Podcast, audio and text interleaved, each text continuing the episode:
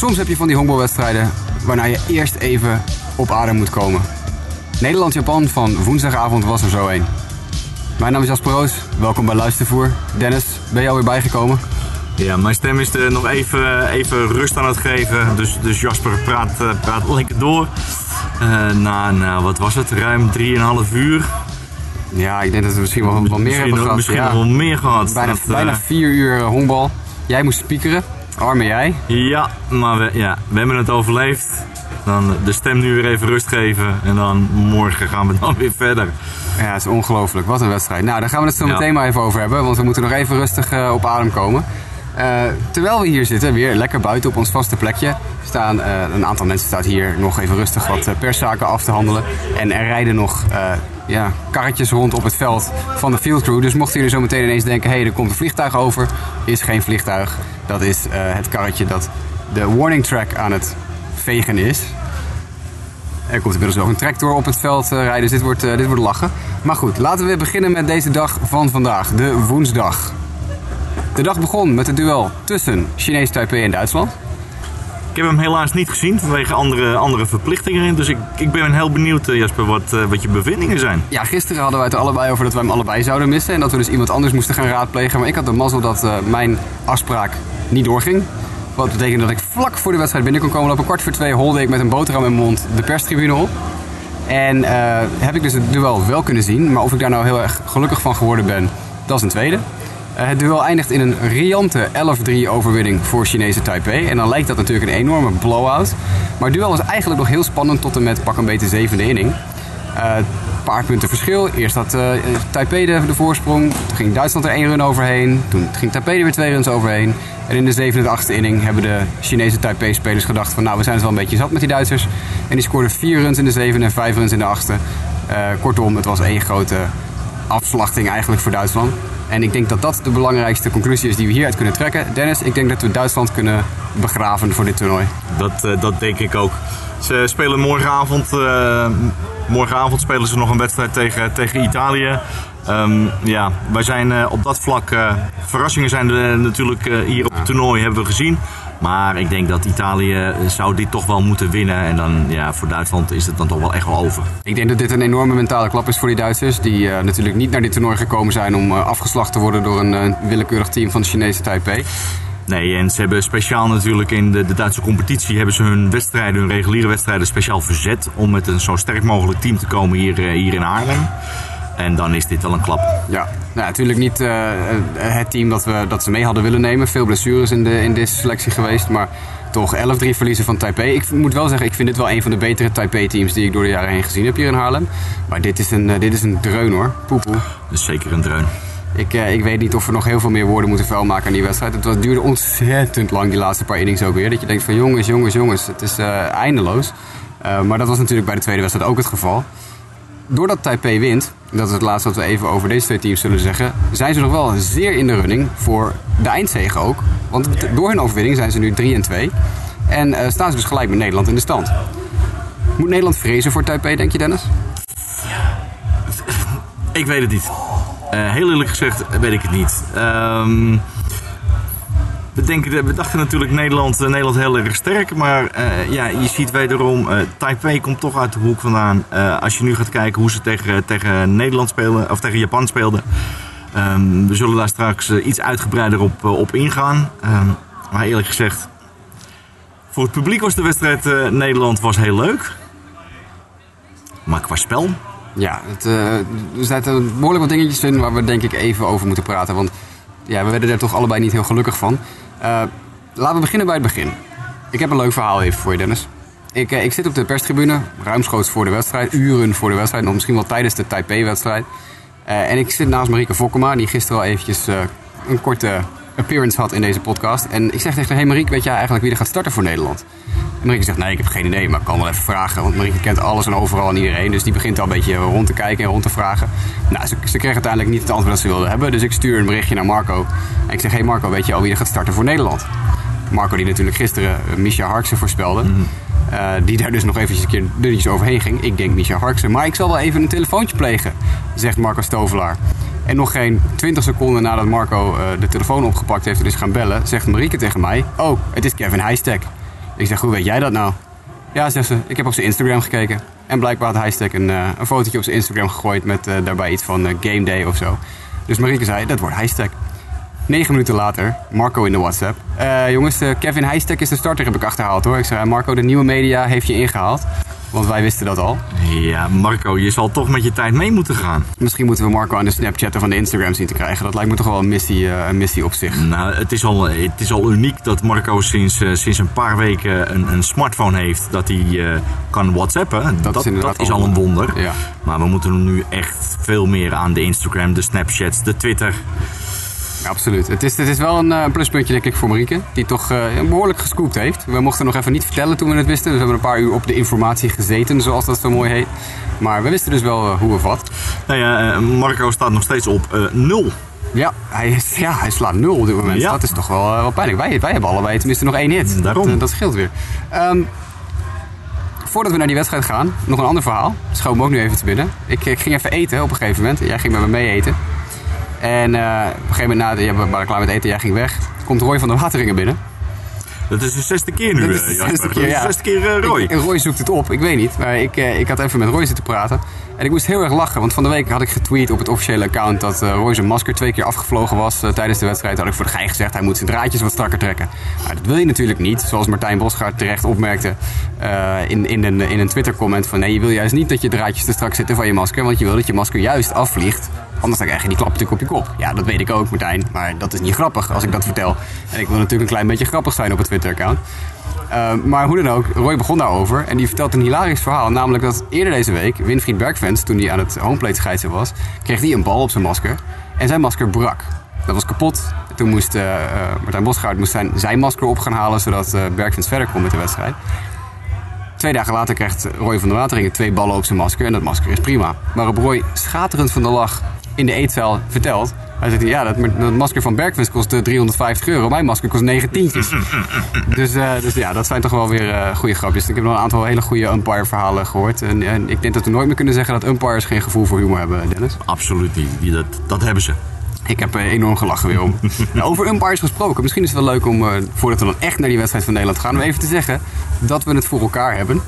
René Ras. Echt waar, hebben we het voor elkaar? We hebben het voor elkaar. Kijk. Uh, morgen, donderdag, hebben wij een afspraak met René Ras om na de middagwedstrijd, hij moet de middagwedstrijd scheidsrechteren, uh, eventjes een momentje met hem om de tafel te gaan zitten. Om toch eens eventjes te praten met, en nu kunnen we toch wel met zekerheid zeggen, de debutant op de honkbalweek. Van de honkbalweek, inderdaad. Dus ik heb heel veel zin om morgen even, even te praten met scheidsrechter René Ras. Het is uh, heel leuk dat hij daaraan mee wil werken, denk ik. Zeker te weten. Nou, mogen we nu naar de wedstrijd. Kan jij ook wat meer de, de, diepte in weer voor deze wedstrijd? Want jij hebt hem natuurlijk heel van dichtbij gevolgd. Want jij, jij hebt gespiekerd. Ik heb zitten twitteren een beetje. Dat is toch altijd anders. Uh, Nederland verliest. Laten we daarmee beginnen. Nederland ja. verliest. Dat is best wel een, uh, een teleurstellende uitslag, maar niet geheel onverwacht. Goed Japans team. Maar de manier waarop, heb je wel een paar dingen over te zeggen, denk ik. Nou, dat, dat denk ik wel. Als je, als je gaat kijken naar Nederland. Um, aanvallend ze laten gewoon 16 mensen over, wel over 10 inningen, maar ze laten 16 mensen achter op de honken. 12 honkslagen. Japan heeft maar 6 honkslagen. En, en die laten over 10 inningen maar 5 spelers achter op de honken. Nou, als je dat gaat, gaat, gaat bekijken, uh, dan zijn die, die honkslagen van Nederland, die, zijn, uh, ja, die vallen dan wel, maar niet op de goede momenten. En ze zorgen niet voor de, de spelers om verder te brengen. Ja. Uh, Japan, wederom, uh, ja, de opofferingsstootslagen. Ook in deze wedstrijd zaten ze er weer in. Ja. En natuurlijk uh, de prachtige opofferingsstootslag in, uh, in de tiende inning. Ja, daar komen we zo meteen op terug. Ja. Want die verdient een heel eigen, eigen onderdeel in deze podcast. Zeker te dat weten. van zeldzame schoonheid. Ja. Um, waar ik het nog even als eerste over wil hebben is het feit dat uh, van de week tegen Chinese Taipei Nederland ook 12 mensen achterliet op de honken en niet succesvol is te zijn, ook verloor van Taipei. Vandaag gebeurt precies hetzelfde. Ik, uh, ik twitterde in de derde inning op het Honkbalweek-account al iets dergelijks van dit gaat toch niet weer de kant van Taipei op. Jij en ik zaten elkaar uh, te whatsappen en te, en te messenger bovenop de tribune, want jij kan natuurlijk niet zomaar zitten kletsen als je ook die microfoon hebt. Is wat lastig. Is wat lastig, dan hoort iedereen waar wij het over hebben. Dus wij zaten elkaar ook al te berichten van hey, dit, gaat, dit gaat niet de goede kant op met die left-hand bases. Hoe denk jij dat het komt dat Nederland de ene wedstrijd geen enkel probleem heeft met, met lopers verder slaan en lopers binnenslaan. En de andere wedstrijd gewoon het niet voor elkaar kan krijgen om op de juiste, het juiste moment een honkslag te slaan? Ja, het kunnen allerlei factoren zijn. Zal het, zal het de druk zijn? Zal het uh, uh, natuurlijk weer een, een uitverkocht stadion? Ehm, het Japanse team?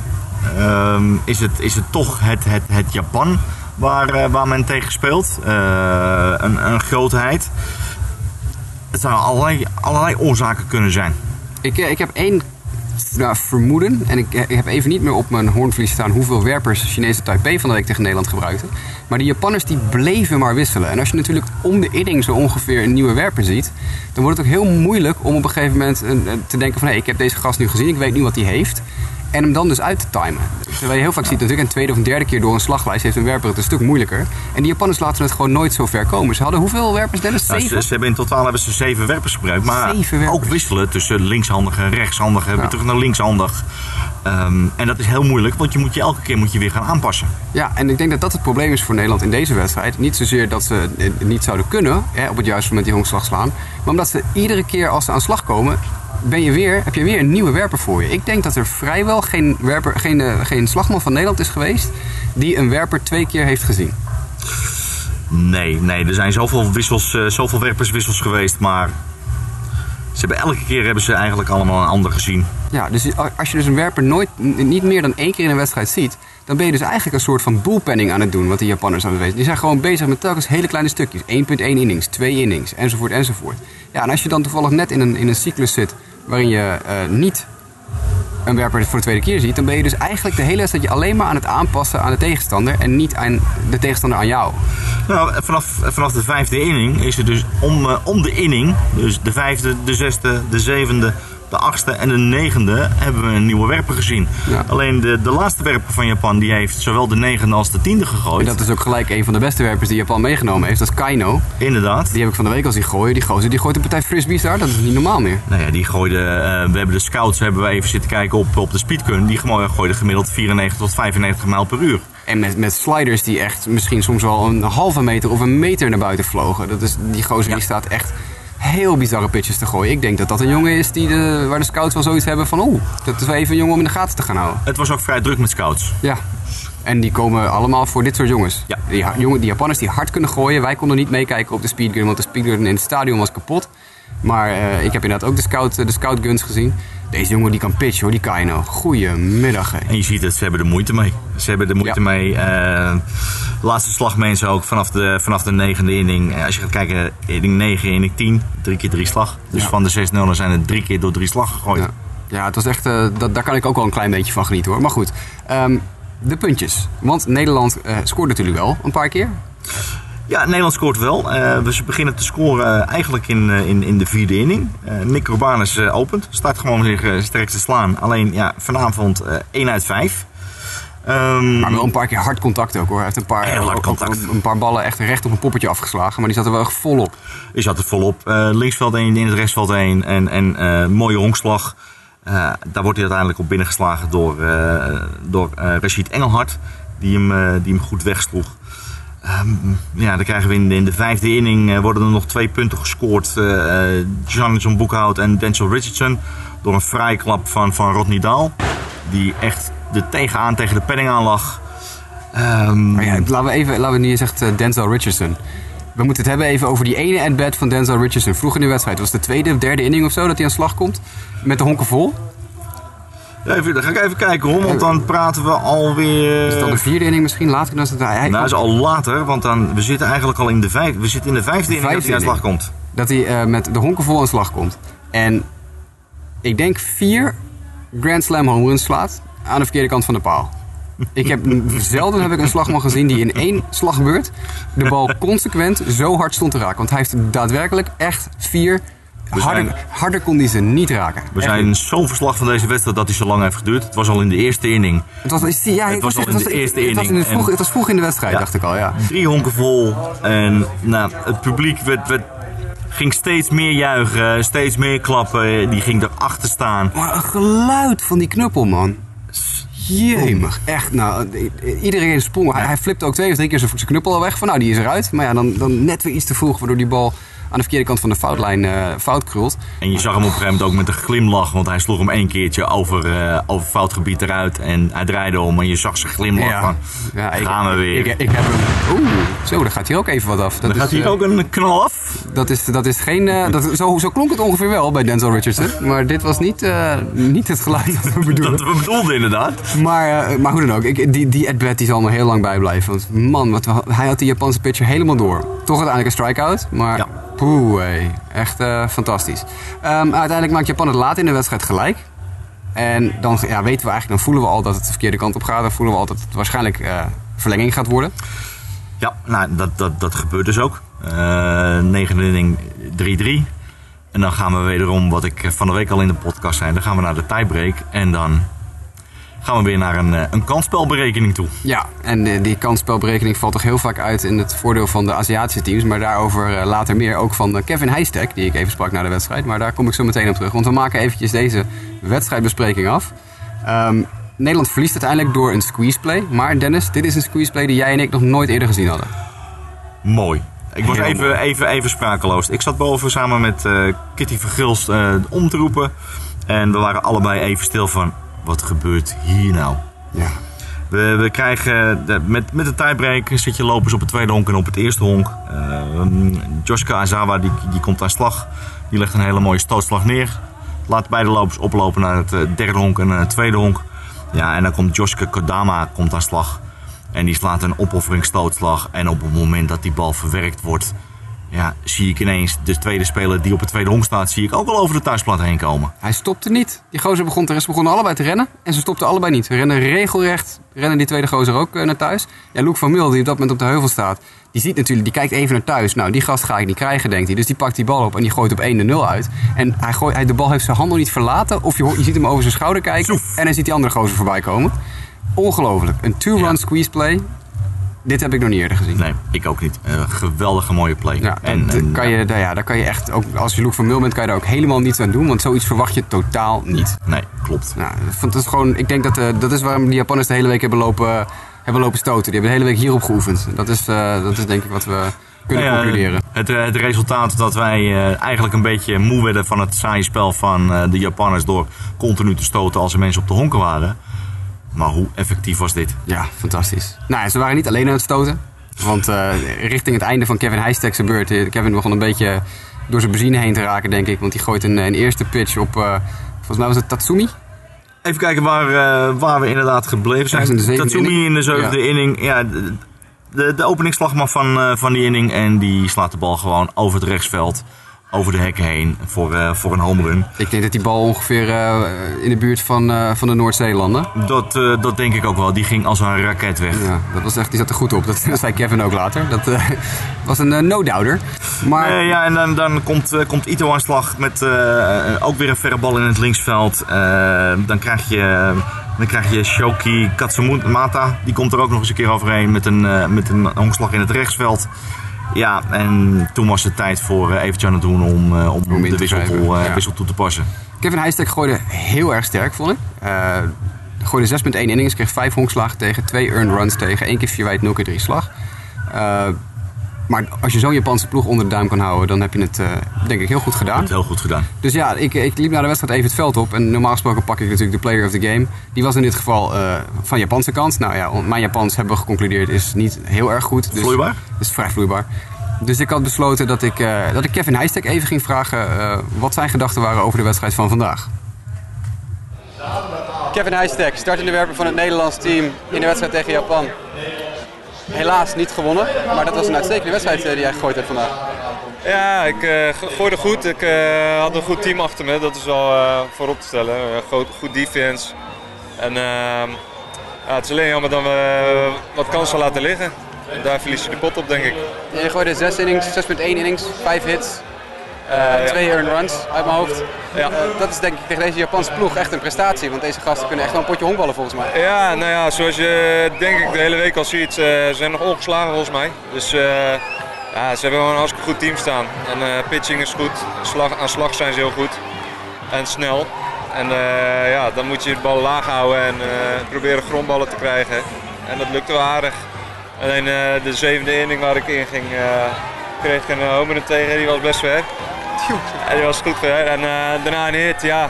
Op een gegeven moment heb je al je ballen gebruikt, de hele wedstrijd door. En dan weten ze ook wat, wat ze kunnen verwachten. Dus dan wordt het lastiger om, om nog een keer die line-up door te komen. Je strijdplan was dus uh, pitch to contact of, of zoveel mogelijk proberen inderdaad die grondballen te krijgen? Of had je nog een specifieke andere strategie die je hebt losgelaten op dit toch wel vrij veelzijdige team denk ik? Ja, nee, ja, ik, ben, uh, ik ben vooral een uh, pitch to contact pitcher. Ehm, ik, ik, gooi niet heel veel strijk uit, ook niet in het seizoen. Dus. En dat, dat is alleen maar goed, want dan hou je pitch count laag en dan kan je wat langer door. En dan krijg je ook snelle dubbel, dubbelspellen en, dat soort dingen. En, ja, dat ging nu ging het wel goed. Alleen de laatste inning hier was even wat jammer. Maar ja, goed. Maar tegen deze Japanners is dat geen schande op zich. Uh, dat, dat stoten van ze.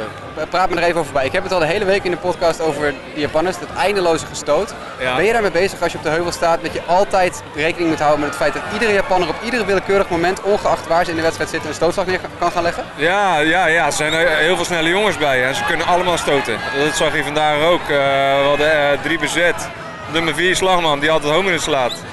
Ja, die legt een squeeze neer. Ja, ik, ik, verwachtte het niet, maar hij deed het wel. Dat bewijst maar weer dat Japan uh, altijd kan stoten. Maakt niet uit wanneer, uh, wanneer en hoe. Ze stoten gewoon hartstikke goed. En dat, uh, daar trainen ze ook heel veel op hoor. De Aziaten sowieso. Taiwan deed het ook tegen Diego. Ook heel veel squeeze en stoten.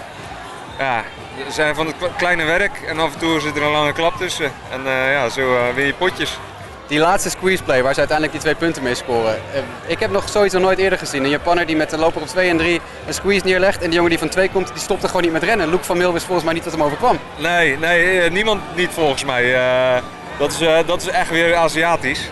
Dat ze dan volle bak gaan rennen. En ja, als er dan een goede stootslag neer wordt gelegd, ja, dan blijven ze rennen. Ja, dat, is, dat is gewoon Aziatisch en dat zijn wij niet gewend in, in Europa. Dus ja, daar winnen ze wel potten mee. Japan blijft ongeslagen. Ja. Jullie gaan nu naar 3 en 2. Alle, alle kansen nog voor, uh, voor een finale plaats. Maar beginnen jullie een klein beetje zenuwachtig te worden of hebben jullie nog het volste vertrouwen in het, uh, en een succesvolle afronding van dit toernooi? Ja, nou ja, we, we hebben niet slecht gespeeld. Ik bedoel, uh, het was 3-3 tot, tot de tiebreaker begon. En dan sta je eigenlijk 1-0 achter als je de tiebreaker ingaat, omdat het Aziaten zijn.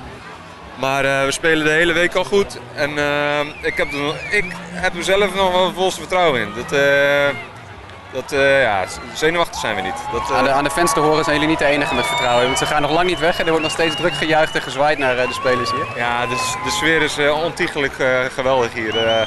elke keer weer verbaast het me. En het is leuk om mee te maken hoe, hoe het publiek meegroeit en in zo'n wedstrijd blijft.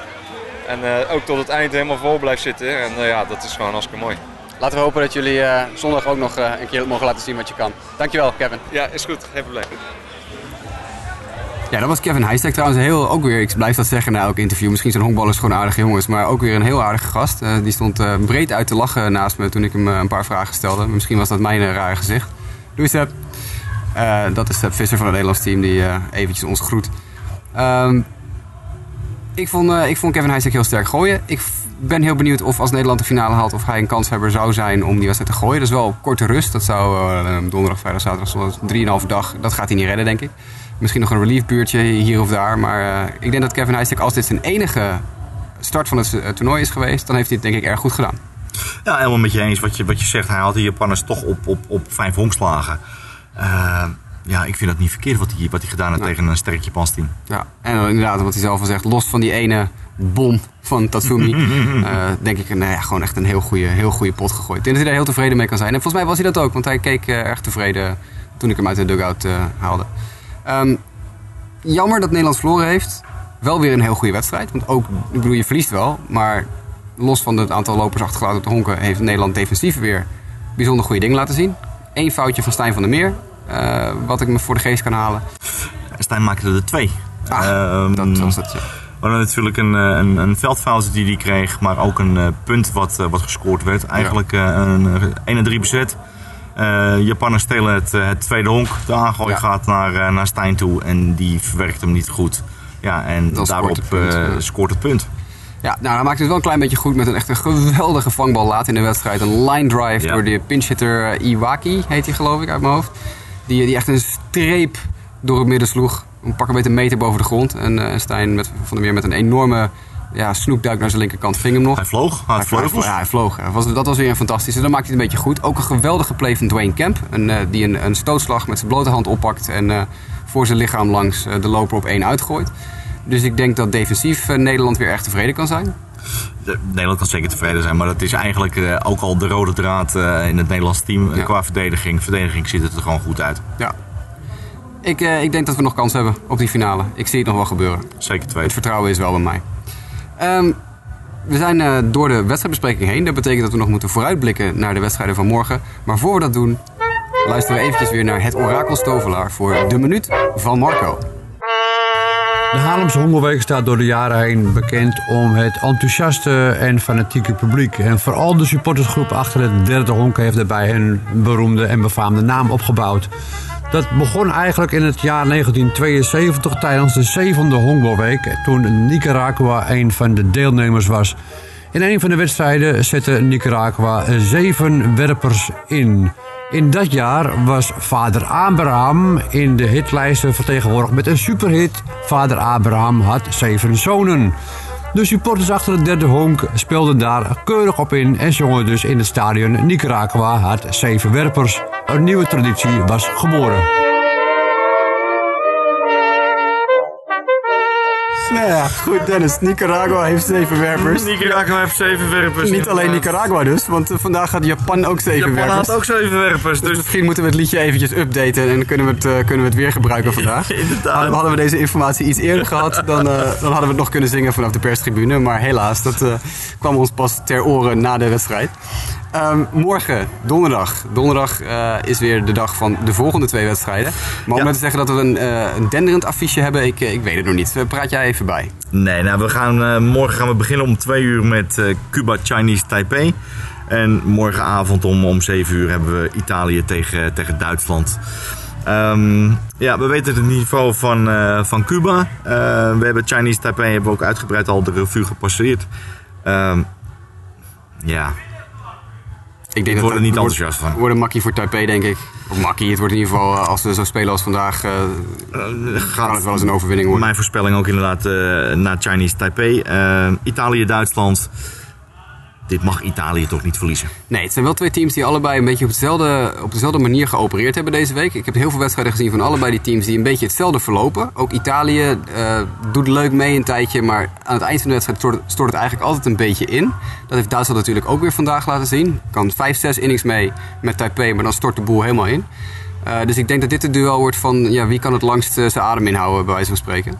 En ik verwacht inderdaad wel dat dat Italië zal worden. Want ik zie die Duitsers niet zomaar even terugstuiteren van, een, eh, van die, die oorwassing die ze vandaag van Taipei kregen. Je schudt je hoofd. Dus dat is voor de mensen die hier zitten te luisteren heel belangrijk om te weten. Want die kunnen niet zien dat jij je hoofd schudt. Je, Dennis schudt zijn hoofd. Dennis, eh, Altijd leuk om een podcast te maken. hè? Ja, goed. We, we zullen het zien morgen. Wij zijn allebei weer eh, van de partij, denk ik, eh, in het stadion morgen. We zijn aanwezig. Om, eh, om twee uur zal mijn stem weer door het, door het stadion galmen. Nou, ik, ik heb er nu al zin in. Ehm, voordat we de boel afsluiten, en dit is dan speciaal voor de mensen die heel fanatiek al onze afleveringen geluisterd hebben en ze ook allemaal tot het einde luisteren, want nu komt er ineens iets heel leuks tussendoor. We hebben namelijk een prijsvraag. Ta ta ta Ja, ja, we ta. hebben een prijsvraag met ook een hele mooie prijs. De prijs is namelijk, dat vertel ik eerst even, want misschien hebben mensen dan zoiets van, dan ga ik echt wel meedoen. Eh, we hebben aan te bieden namens Luistervoer een honkbal met alle handtekeningen van het Nederlands honkbalteam erop. Nou, dat wil ik best hebben in de kast. Ik zou er dus eentje mee kunnen nemen, maar dat, dat lijkt me een beetje eh, niet de bedoeling van een prijsvraag. Maar nogmaals, je kan dus een handtekeningenbal winnen van het Nederlands team. Die zijn daadwerkelijk gisteren allemaal gesigneerd. Want ik heb eh Seb Visser van het Nederlands team een handvol honkballen gegeven. En die heeft ze laten signeren. En vandaag bracht hij ze keurig langs eh, op de perstribune. Dus ze zijn inderdaad tussen, dinsdag, eh, of tussen maandag en vandaag gesigneerd. Ehm, maar wat moet je nou doen om te winnen? Nou, we hebben een, een vraag bedacht, Dennis. Ja, en, en je zal het nooit raden, maar het gaat over stootslagen. Het gaat over stootslagen, het gaat over Japan. En wat, eh, welke wedstrijd pakken wij? Nou, ik denk de eerstvolgende wedstrijd van Japan. Weten we al wanneer dat is? Dat zal... Dat weten we nog niet helemaal. eh, want morgen is natuurlijk de laatste ronde van, Ja. eh, van de groepswedstrijden. Daarna gaan we naar, naar de tweede ronde toe. de eerstvolgende wedstrijd van Japan. Dat is vrijdag, want we spelen allemaal op Oh vrijdag. ja, de want oh ja, we hebben weer drie wedstrijden. Ja, we hebben zes teams. Ja, dus We dat hebben zes teams, dus we hebben drie wedstrijden. Dus de eerstvolgende wedstrijd van Japan. Hoeveel stootslagen gaat Japan neerleggen in hun wedstrijd aankomende vrijdag? En dan hebben we het over succesvolle stootslagen. Niet stoten, maar Nee, echt de succesvolle stootslagen. dus een succesvolle opoffering of een stootslag base hit of een squeeze. Hoeveel stootslagen legt Japan in hun eerstvolgende wedstrijd vrijdag neer? Nou, mocht het nou zo zijn dat er meerdere mensen zijn die dat goed hebben, dan hebben we natuurlijk een tiebreaker vraag. We hebben vandaag ook gezien eh, een, gigantische hoeveelheid met pick-offs. Juist. Dus tweede gedeelte van de vraag, de tiebreaker vraag. Hoeveel pick-offs gaat Japan op de honken gooien? En dan hebben we het ook weer niet over de pick-offs die daadwerkelijk een succes zijn, maar pick-offs die gepoogd worden in dit geval. Nou, dan is dit is denk ik een hele ingewikkelde vraag, maar ik heb het gevoel dat mensen dit gaan, dat dat gaat lukken. Dus nogmaals, een tweedelige vraag. Ten eerste, hoeveel stootslagen legt Japan succesvol neer in hun duel van vrijdag? En dan moet je als tiebreaker nog even een nummertje erbij zetten, namelijk hoeveel pick-offs gooit Japan in die wedstrijd op de honken? Nou, wil je nou meedoen voor die, die bal met handtekeningen van het Nederlands team? Dan kan je dat doen door een mailtje te sturen naar honkbalweekpodcast.gmail.com. Dat is honkbalweekpodcast.gmail.com. Dat moet je doen voor vrijdag 11 uur ochtends. Want 11 uur ochtends begint de eerste wedstrijd en dan sluit de inschrijving. Dus je hebt de hele donderdag om erover na te denken. Hoeveel stootslagen legt Japan neer en hoeveel pick-offs gooit Japan in de wedstrijd van vrijdag? Heb je het goed, dan win je een gesigneerde honkbal van het Nederlands team. Dennis, we zitten er weer doorheen. Letterlijk. na, na die vier uur durende... Eh, letterlijk, de, de lichten zijn hieruit. Eh, de sproeiers staan op het veld aan. Wij, Oh, zijn, er, eh, wij zijn er klaar mee. Ik ga lekker naar huis. Ik heb mijn trein al gemist, dus het wordt nog even rustig een colaatje met je drinken. Want Gaan we zeker doen. we, hebben, we hebben nog even. Eh, hartstikke bedankt. Ik spreek jou morgen weer. Fijne avond en tot morgen. Tot morgen.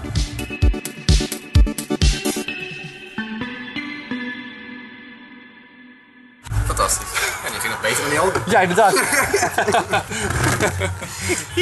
Ja, zo mooi verhaal. Ik moest er ook op lachen. Dit was geweldig. Kom hier nog bij.